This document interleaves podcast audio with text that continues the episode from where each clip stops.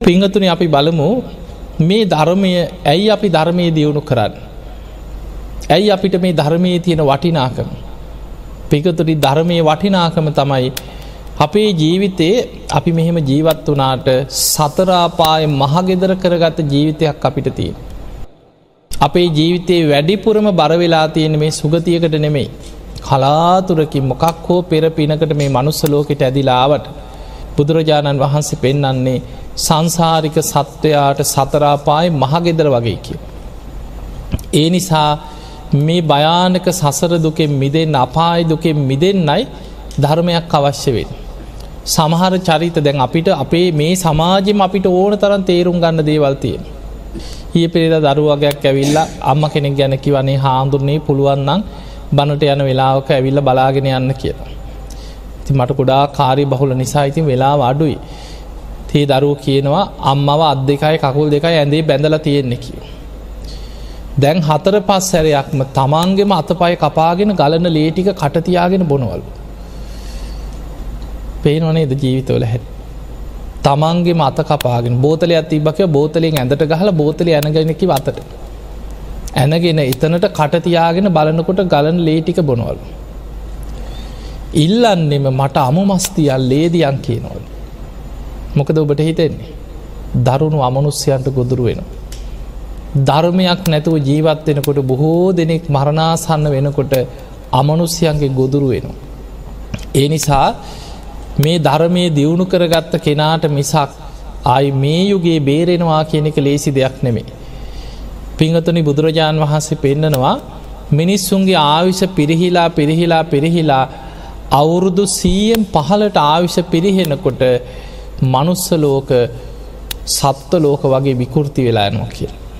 දැංගු බහල ඇති බෝසතාණන් වහන්සේලා පස් මහ බැලුම් බලනවන.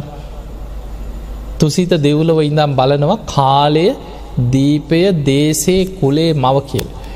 එතන කාලය කියල බලන්නේ බුදු කෙනෙක් පහළ වෙන්න සුදුසු කාලයක් දූ කියල බලන. මිනිස්සුන්ගේ ආවිෂ අවුරුදු සීයෙන් පහලට පිරිහිලා නං බුදුවරු පහළ වෙන්න ඇකි නො ඒ කල්ප ඒ අන්තක් කල්පය පහළ වෙන්න ඇකි. මහා කල්පයකට අන්තක් කල්ප හැට හතරක් තියෙන. ඒ හැට හතරේ මනුස්්‍යයන්ගේ ආවිශ අවුරුදු සීයෙන් පහලට පිරිහිලාන බුදු කෙනෙක් පහළ වෙන්නේ. කෙලෙස් වැඩී කියෙන අකුසල් බලවත් වැඩී කියන.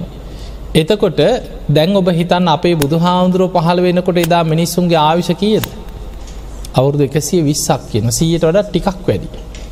ඒ කාලෙ සාමාන්‍ය ආයු අපේක්ෂණය අවුරුදු එකසිය විස්සයි උපරිම නෙමෙයි. බහල ඇතින බක්කුල මහරහතන් වහන්සේ අවුරුදු කීයක් වැඩ හිටියද. අවුරුදු එකසිය හැටක් වැඩ හිටිය.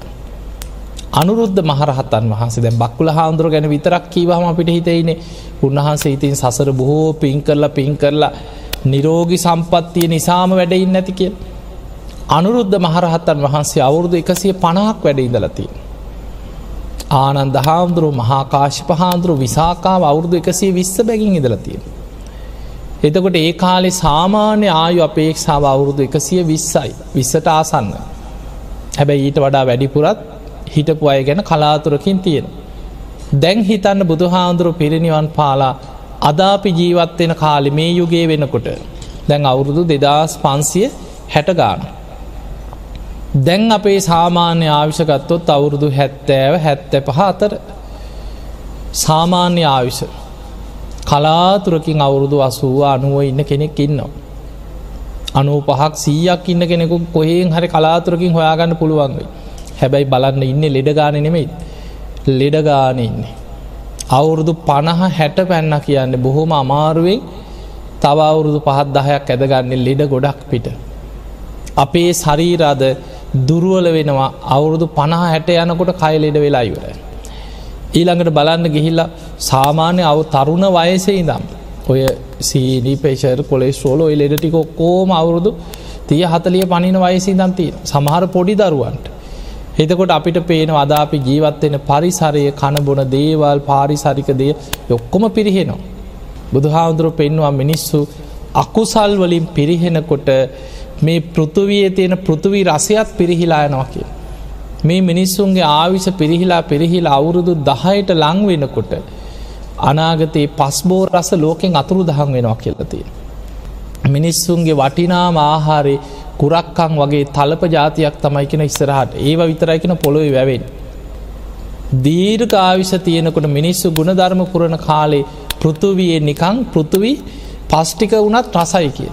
ඔබහල ඇති ඉස්සර පොළොවක් හටගන්න හැටි අහලති නොද අග්ගං්‍ය සූට්‍ර කියලතිය. මුල්ම කාලෙ පෘතුවයේ ඒ පොළොවේ පෘතුවි රසේ ආග්‍රහණය කරනවා කෙන සත්‍යය.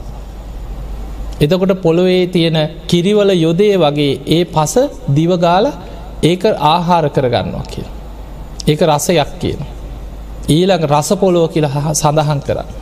ඊළඟට පොළොවෙයි මුල්ම කාලෙ හටගත්තා කියන ඇල්වී කියලා වී වර්ග. දීර් ආවිෂ තියෙන කාලි. ඒවා මේ වගේ ගිහිල්ල මේ ගොයන් කපාගෙන දඟලන්න දෙයක් නෑ. කරලෙන් පහලට වැැක්කෙරෙනවා කිය වී. එකම ගහේ පහලට වැැක්කෙරෙන. හැදි හැදී පල්ලෙහාට වැැක්කෙරෙන. මිනිස්සු භාජන අරං ගිහිල්ල ඒවට පුරෝගෙන පුරෝගෙන යනවා කියන. එතකොට අපිට පේනවා ඉස්සර උග්ගස් ගැන දේශනාවල තියෙනෙත් එහෙමයි. මහනෙන ඉස්සට තියෙන උග්ගස් ගැන බුදු හාන්දුරුව පෙන්නවා උග්ගහේ යටින් කපපු ගමන් කරන්නේ එතන තද කරල බඳනවා කියෙනමුකද උගහ කපල මෙහම අල්ලගෙන ඉන්නකොට පැණිටික පල්ලෙහාට බේරිලා පාත්තරයක් පැණිවලින් පිරෙනොකි. එතකොට දැන් අද තියෙන උග්ගහතියා බල දත්මිටි කාගේ නම්බරන්න එප. අන්තන් පොඩ්ඩක් පැණිටිකක් හරිගන්නන ඒගෙත් පැණිරහක් නෑදෑ එතකොට අපිට පේනවා එන්න එන්න එන්න එන්න මේ පෘතුවි රසේ ලෝකෙන් අතුරු දහන් වෙන. මිනිස්සුන්ගේ ලෙඩරෝග වේගෙන් වර්ධනය වෙන. ආවිස පිරිහෙනෝ. ඒ වගේ බුදු හාන්දුරුව පෙන්නු අනාගතයේ මිනිස්සු දරුණු අමනුස්්‍යයන්ට ගොදුරු වෙනවා. මේක තියෙන මහා සාල කියලා අංගුත්තර නිකාය දේශනාව. බුදු හාන්දුරු පෙන්නවා මිනිස්සුන්ගේ අකුසල් බලවත් වෙනකොට සැඩ යක්ෂයන් මිනිසුන් අතරට යකුන් මුදාහරිනවා කියන. වෛශ්‍රවන දෙවියන් සැඩ යක්ෂයන්ව බන්ධනවලින් පන්සිල් රකින ගුණධර්ම පුරණයට හිරිහැරයක් නොවෙන විදිහට ඒ අයෝ බන්ධනය කරලා නීති පනවලතියෙන්. ඒක ධර්මය සඳහන් වෙන. ඒවා බන්ධනය කියන මේ නිකන් ලන්වලින් බඳිනවගේ නෙමේ. ඒව චිත්ත බන්ධන.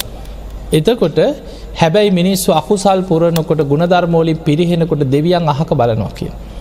දෙවියන්ගේ රැකවරණ මිනිස්සුන්ට අහිමි වෙනකොට සැඩ යක්ෂයන් මිනිස්සුන් අතරට යකුන් මුදාහරිනෝ කළේ දේශනාව තියෙන. මහා දරුණු අමනුස්්‍යයෝ යක්ෂයෝ ගම් නගර නියංගංවල අරක් ගන්නවා කියන. මහනනි අනාගතයේ මිනිස්සුන්ගේ ආවිස අවුරුදු සීයෙන් පහලට පිරිහෙනකොට. අධර්මරාගේ විෂමලෝබේ මිත්‍යාධර්මය ලෝකෙ බලවත්වෙනොකි.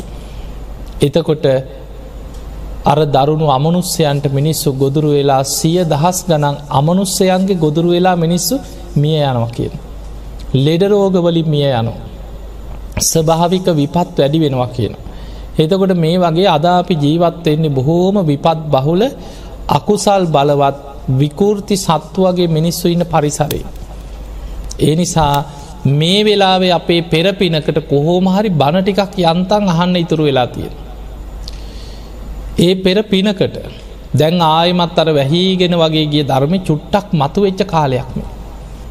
ඒ නිසා ධර්මය දියුණු කරගන්න කෙනෙකුට අද තමයි හොඳම අවස්ථාව ගැලවෙනවන.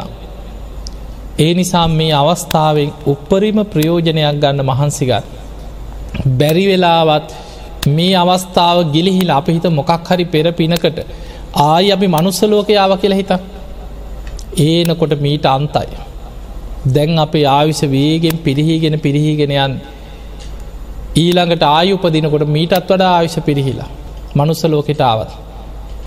එනිසා පිංහතුනේ මේ ලැබිච්ච අවස්ථාව ගුණධර්ම පුරාගෙන ගැලවෙන්න උත්සාහයක් ගන්න. සුගතියක හරි යනවනං පළවෙනි එක තමයි සද්ධාව පුරුදු කරන්න. අපිට රැකෙන්න්න තියෙන ආරක්ෂාවන්න තියෙන ප්‍රධානම දේ තමයි බුදුගුණ මනසිකාරයෙන් අපිට ලොකු ආරක්ෂාවක් ලැබෙන. බුදු හාන්දුරු පෙන්නවා බුදුගුණ අචින්තියයි.